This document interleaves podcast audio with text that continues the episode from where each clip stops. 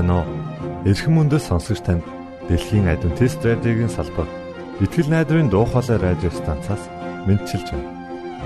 Сонсогч танд хүргэх маань нэвтрүүлэг өдөр бүр Улаанбаатарын цагаар 19 цаг 30 минутаас 20 цагийн хооронд 17730 кГц зөвлөлтөөр 16 метрийн долгионоор цацагдж байна. Энэхүү нэвтрүүлгээр танд энэ дэлхий дээр хэрхэн аз жаргалтай амьдрах талаар зарчим болон мэдлэгийг танилцуулахдаа бид таатай байх болноо. Таныг амарч байх үед аль эсвэл ажиллаа хийж байх зур би тантай хамт байх болноо.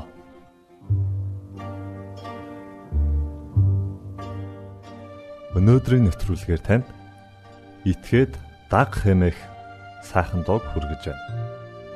Үүний дараа та өөрийгөө байлдан дагуулагч болгон хөгжүүлэх хэмэх цуврал нэвтрүүлгийг сонсох болно.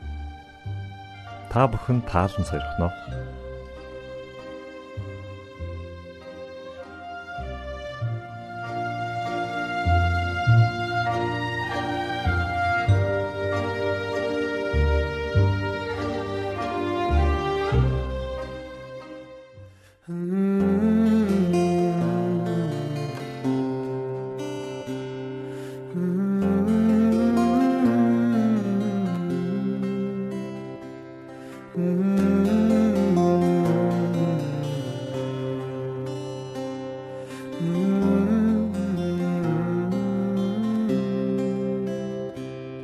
Таны заасан замаар тантай хамт алхах үед ямар гайхан гэрэл замд минь гинэвэ.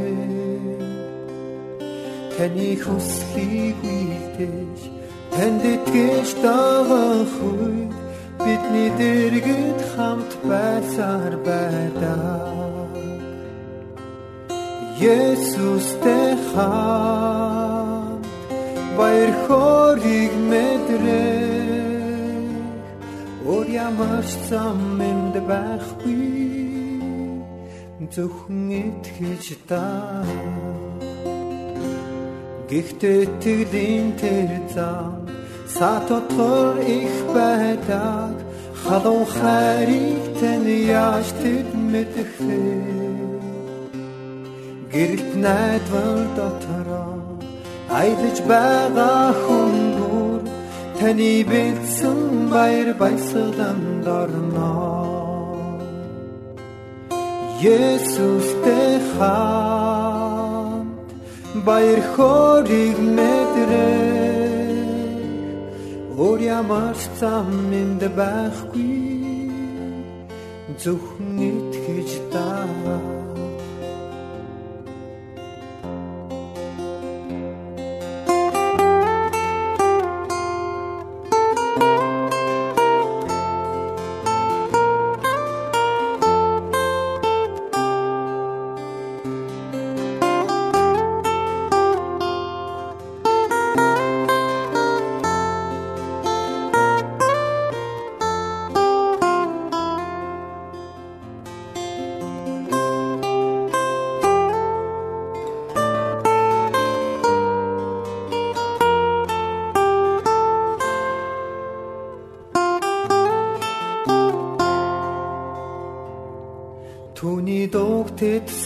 сонсоод түүний хөл суух болно. Тэгээд эргдэн алхаж ярилцах болно. Ямар ч айдасгүйгээр таны хүслийг биелүүлж зөвхөн танд итгэж таныг дагна. Есүстэй хаа баяр хориг мэдрээ өөр ямар зам энд байхгүй. Есүстэй хаа баяр хориг мэдрээ өөр ямар зам энд байхгүй. Зөвхөн итгэж та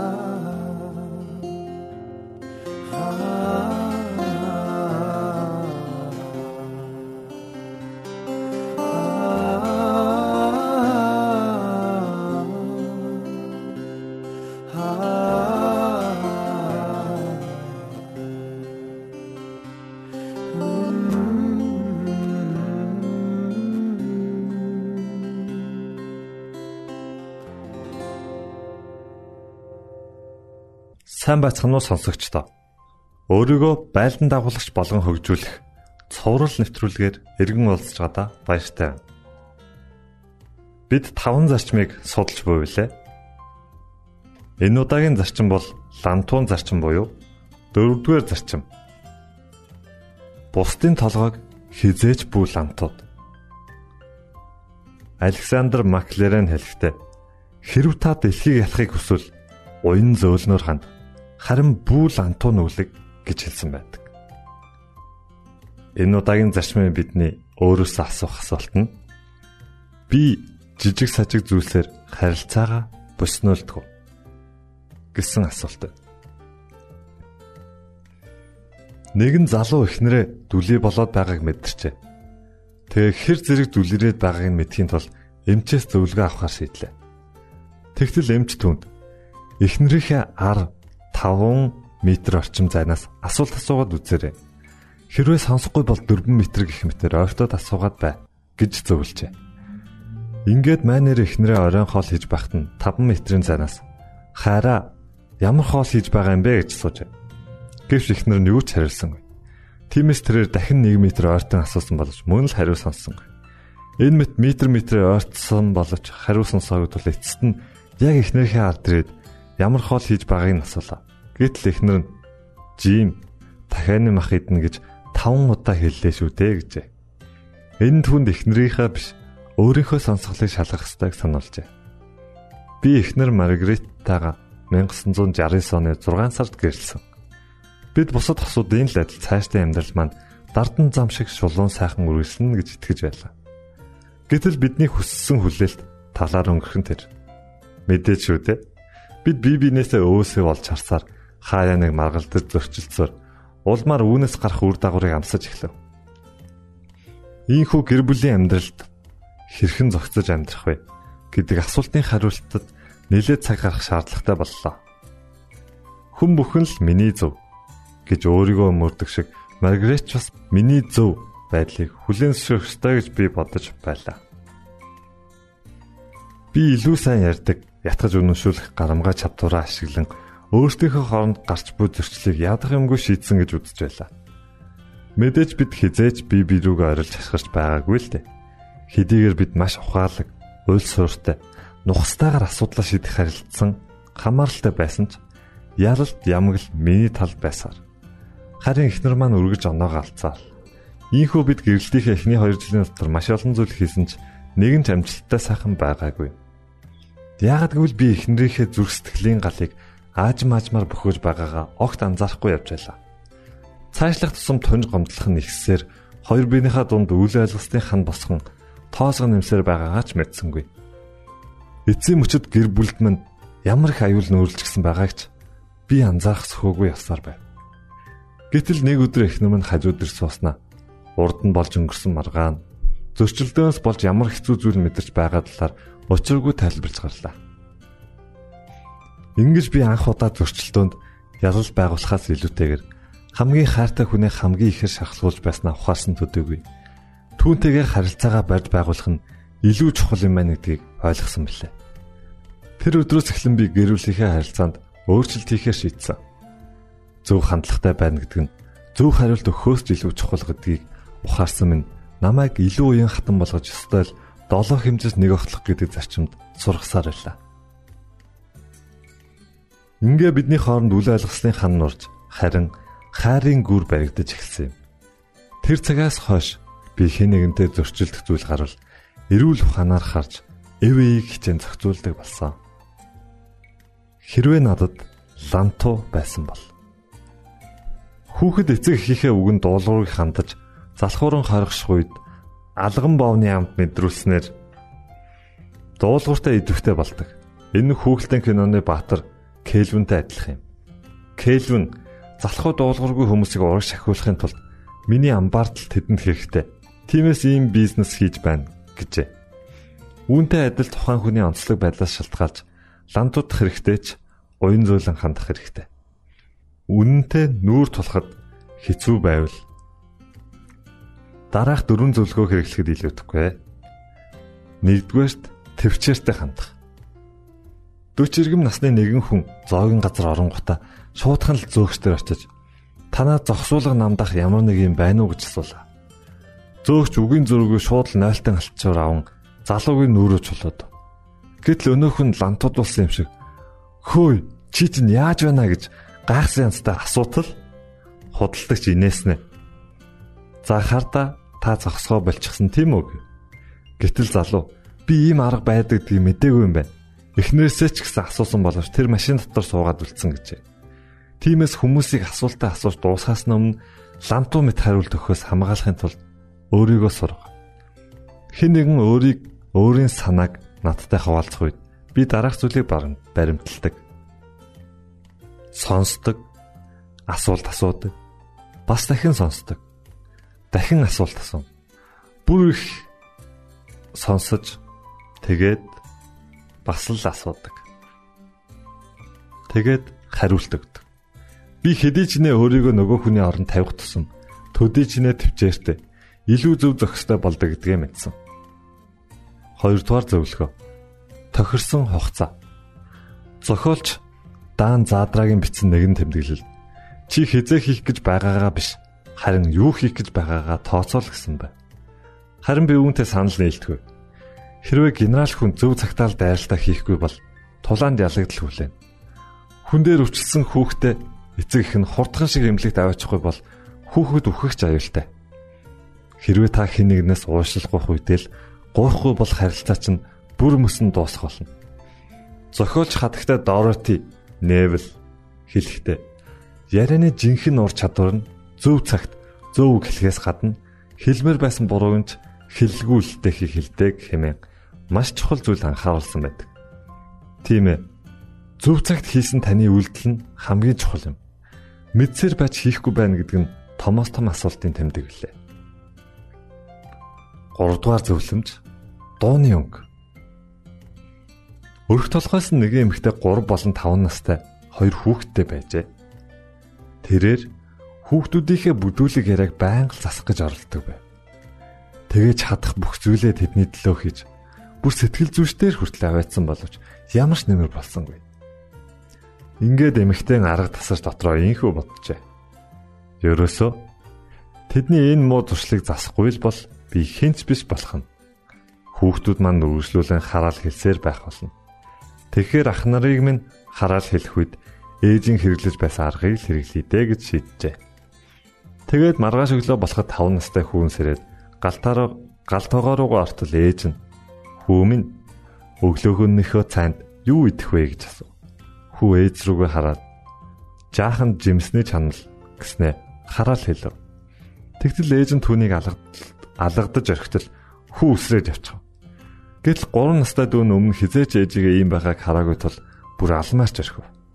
Тэгээд ээж нь түүний нүд рүү хараад "За, чи өглөөнийхөө цайнд юу идэх вэ хэмээн нилээж хэрүүн дуугаар асуудал хүүгийн нүдэн дохон дээрээ гаргашгаж та тоглоогүй болтой гэд хараал хэлснэ. Би дахиж хараал хэлэхгүй гэж хариулжээ. Хэрвээ хэн нэгэн тань руу хашгичж уурлвал хариуд нь ээлдэг намуунаар хандаарай. Хэдийгээр тэр хатуу хүн байлаач зөөлөж тайван болох болно. Бидний үүгээр анаас илүүгээр хүмүүс бидний хандлага, үйл хөдлөлт хариу үйлдэл үзүүлдэг. Мөн их их жижиг сажиг маргаан бидний дуу хоолой өмнөөс шалтгаалan үүсдэг. Нэгэн мэрэгэн сургаалт намун зөөлөн өгс уур хилэн дамжаадаг бол Хүйтэн хөндөй өгс уур хилэн асаадаг гэж хэлсэн байдаг. Та үүнийг туршиж үзэж болно шүү. Дөрөвдүгээр зөвлөмж хандлагын хэм хэмжүүр. Төргөн ортой хүн яг л бөмбөг тесрэгтэй адил байдаг бөгөөд зүү шидвэл зөрүүлээд тэвэн шиднэ гэсэн хандлагатай байдаг. Энэхүү хандлага нь түнд нэлээд бэрхшээлүүдийг авчирдаг төдийгүй тулгарч буй асуудлуудын хэмжээнээс болоод гарах шийдвэр нь хүртэл дээш доош хэлбэлцэж байдаг. Үүнийг дараах байдлаар дүгнэж болно тухайн үйл хөдлөлөөс үүдсэн хариу үйлэл нь сөрөг байвал асуудал хурцддаг. Тухайн үйл хөдлөлөөс үүдсэх хариу үйлдэл нь эерэг байвал асуудал намждаг. Миний хувьд өөрийгөө тэнцвэртэй байлгахын тулд 30 секундэд бүх мэдрэмжээ хуваалц. Тэгээд гүйцээ гэсэн сануулгах журам баримталдаг. Хэрвээ би том асуудал үүсгэхээс өмнө жижиг асуудлаа шийдэхгүй бол бусд руу лантуудахаас өөр аргагүй зурдаг. Эхнэр бид хоёр ямар нэгэн асуудал толгох үед бие биедээ тусалдаг. Хүүхдүүд маань жаахан байх үед би тэдэнтэй зөрчилдөх зүйл цөөнгүй л гардаг байлаа. Тэр үед бидний баримтлагдаг байсан журам бол бид хоёр гар гараасаа барилцаж зэрэгцэн суугаад хүүхдүүдтэйгээ харилцан ярилцдаг байв. Хэрв бид хоёрын хэн нэг нь уурлал сэмэрхэн гараа атгалцсан бухимдлын хэм хэмжээ нэмэгдэж байгааг сануулж болиулдаг байв. Цаг хугацааны явцад энэ бидний хамгийн шилдэг арга болсон төдийгүй үр дүнгээ өгсөн юм. Гэхдээ энэ арга тухайн асуудал хамгийн сайн хэмжүүр болж чадсан ч өөр асуудал өөр аргыг хэрэглэх үе байсан. Лантуу шидхийн оронд өршөөлийн гараа сунг. Зарим хүнд үргэлж лантуу хэрэглэх нь сайн гэж бодож магадгүй. Тэгээ та бүхэл амьдралынхаа турш ямар нэг юмыг нүдэж амьдрах, амьдрах нь гэж хэлэх байх. Харин энэ хандлага нь нөгөө хүнээс нэлээд өндөр хэрэгжүүлж шаарддаг. Тэр ямар нэгэн зүйлд анхаарлаа хандуулахын тулд яг л хан өрөмдөж байгаа юм шиг төвлөрөх хэрэгтэй болдог. Эргээд энэ нь сайн хандлагыг төлөвшүүлж болно. Гэвч хүмүүсийг үргэлжл балбаж нүднэ гэдэг үнэхээр хэцүү бэрх арга юм. Сэтгэл зүйч Абрахам Маслов таны гарт зөвхөн лантуу байвал бүх асуудал хадаас шиг харагцаар байх болно гэжээ. Тиймээс бусдыг лантуудгаас илүү эрүүл харилцаа арга замыг олох хэрэгтэй. Хэрв та хүмүүсийн сэтгэл төрх арга хөгжүүлэхийг хүсвэл дараах зөвлөгөөг өөрийн зүрхэнд оруулаарай. Өнгөрсөн зүйлийг өнгөрсөнд нь үлдээж сурах. Хоёрээр эхнэрүүдийнхээ талаар нэлээд гомдлжээ. Нэгдэх нь бид хоёр хэрэлдэхэд эхнэр маань улиг болсон түүх ярьдаг гэж л дээ. Гэтэл нөгөө найз нь үлгэр ярьдаг гэсэн үү гэж асуудал. Үгүй дээ бүр өөлөрч баларсан түүх гэж хэлээд тэр миний хийсэн буруу зүйлийг үргэлж надад сануулдаг гэж хариулж. Тиймээс асуудлыг тэр дорн шийдэн тухайн цаг үед нь үлдээ. Дахин дахин сөхөж өнгөрсөн цаг үеийн алдааг өнөөдөр сэргээх хэрэггүй. Хэрв та асуудлаас өгсөөр байвал хүмүүс рүү лантуу барин даарч бусдыг хадаас болгож байна гэсэн үг шүү. Миний хариу үйлдэл асуудлын нэг хэсэг. Бусдад өгөх хариу үйлдэлээ Энэ надад яаж хандна? Би түүнд яг тэгж хандна гэж муугар бүү илэрхийл. Учир нь надад хандах ханд надад хандах бусдын хариу үйлдэл ямар ч байж болох тул тухайн хүнийг буруутган харлгүй харин ямар учиршилтгаан энэ хүнийг ийм хандлагатай болж байгааг олчаар үүнийг бид өвтөлтийн зарчим дээр үтсэн. Удаан хугацааны турш дурддагцаар байдаг үйл явдлуудыг сан. Та дунд сургууль төгссөн гэрчлэгийг эсвэл коллеж төгссөн дипломоо байн байн гарган ирж дээр нь бичсэн бүхнийг дахин тавтан дооддог. Хэрвээ та гэрэлсэн бол хормын тангарага цээжээр дахин дахин уншдаг. Магадгүй энэ хоёр асуултанд та хоёуланд нь үгүй гэсэн хариулт өгнө. Гэвч таны хувьд хорим хийж байсан үе болон сургууль төгсөж байсан цаг мөчөө дурсдаг гэдэгт би эргэлзэхгүй байна. Тиймээс та бусдад хэлэх үгнээсээ илүүтэйгээр хүмүүстэй хамт байж удаан хугацааны туршиж санагцаар байх дурсамжийг үлдээ. Үүний тулд чин сэтгэлээсээ үйлдэж амьдр. Нөхцөл байдлыг харилцаанаас дээгүр хизээж бүү тавь. Өөрийнхөө нөхцөл байдлын алдаа дутагдлыг бусдад тохох гэсэн хүмүүсээр дүүрэн ертөнцид бид амьдарч байна. Хэрвээ би их нартайгаа харилцаагаа барьж байхулахаас уртад өөрийнхөө үзэл бодлыг илүү өндөр тавьсаар байсан бол түүнтэй хизээж гэрлэхгүй байсан гэдэгтээ огтхон ч марахгүй. Харилцаа гэдэг бол бүх зүйлийн суурь гэж би боддог. Тиймээс бусдад харилцах харилцаагаа чухалчлах тусам төдийжнээ олон гарц боломжууд үйл харгаа нээж өгдөг. Тиймээс нөхцөл байдлыг харахаас илүү харилцаагаа барьж байгуулах нь нэн чухал. Болзолгүй хайраар бусдыг хайрл. Нөхцөл болцолгүйгээр бусдыг хайрлах сайн загвар нь өнөөгийн доройтож буй нэгэнд уламж бүдгэрч хүмүүс өөр хоорондоо харилцан хамааралгүй болсоор байна. Нисгэгч Джон Вайт бусдад хандах хандлагынхаа талаар өөрийн хүсэл зоригийг илэрхийлэхдээ бид хайр тараагчд учир нь хүн бусдыг хайрлах үед тэдний хизээж үзэн ядч чаддгүй. Ийхүү бид тэднийг хайрлвал альва муу зүйлс бүтлгүүдл хорсол гомдол нуран ундаг. Тиймээс бусдын гин бурууг зарлаж улыг нь шагааж байхын оронд нөхцөл болцолгүйгээр хайрлал тэдэнд илүү нөлөөлж чадна хэмээжээ. Буруу зүйлийг хүлээн зөвшөөрч уучлахгүй. Чикаго дахь нэгэн клубын гишүүн Ол Капони та илдэг сайхан үг тарих тусам илдэг сайхан үг хураан авах болно гэж хэлжээ. Юутай ч танд хэлэх маш чухал үг бол уучлалт гэдэг хамгийн сайхан зүйл гэж хэлж байхдаа би өөрөө ч гэсэн баяртай. Та бусд руу илбрэлт гараа сунгахын оронд лантуу нүлгэж байна гэдгээ ухаарах мөчөд бурууга хүлээн зөвшөөрч уучлалгүйх нь хамгийн сайн арга болдог. Энэ нь таныг үе олон гэмнүглээс далж өгдөг. Та яг энэ бүлгийг уншиж байтал найз чинь эсвэл тантай хамт ажилладаг хэн нэгэн санаач нь орж иж болох юм. Хэрв та түүнийг лантуудаар зөхиж байсан бол төр хүлээгээд өөрлөгөө нэг өнгийн хараарай.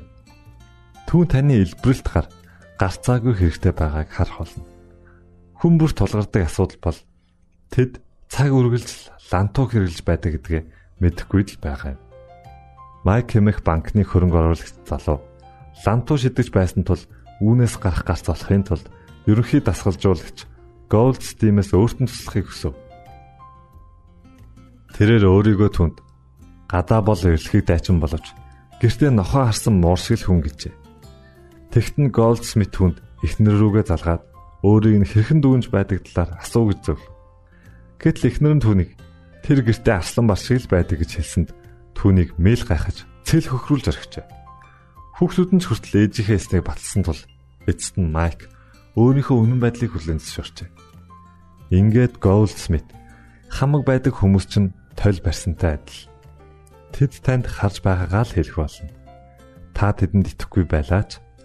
Үнэндээ танд хайртай учраас л үннийг хэлдэг. Хэрв та үнийг үргэлжлүүлсээр байвал таны эргэн тойрны хүмүүс хадастай адил болох болно гэж зөвлөжээ.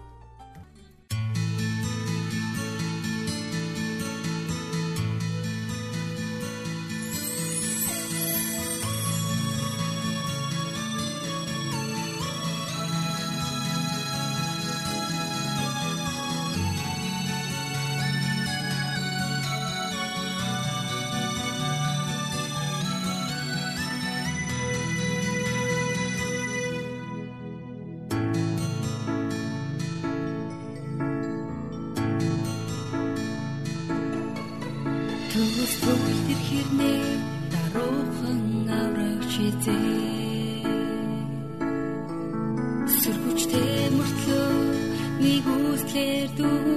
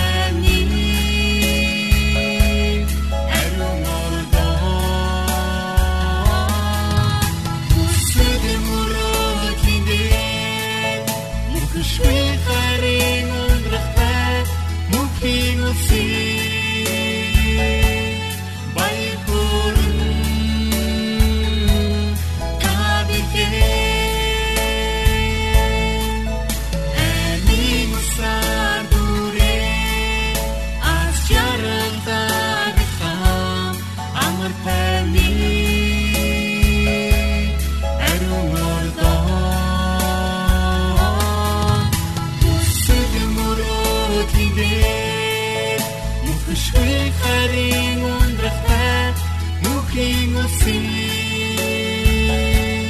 бай хорн табитээ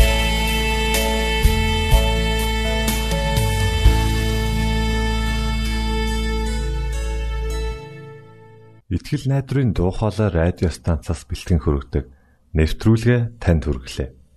Хэрв та энэ өдрийн нэвтрүүлгийг сонсож амжаагүй аль эсвэл дахин сонсохыг хүсвэл бидэнтэй дараах хаягаар холбогдорой. Facebook хаяг: Satiin усгээр Монгол заавад AWR Имейл хаяг: mongol@gmail.com Манай утасны дугаар 976 7018 24 9 Шуудангийн хаяг 16 Улаанбаатар 13 Монгол улс Биднийг сонгонд цаг зав аваад зориулсан танд баярлалаа. Бурхан таныг ивээх батугай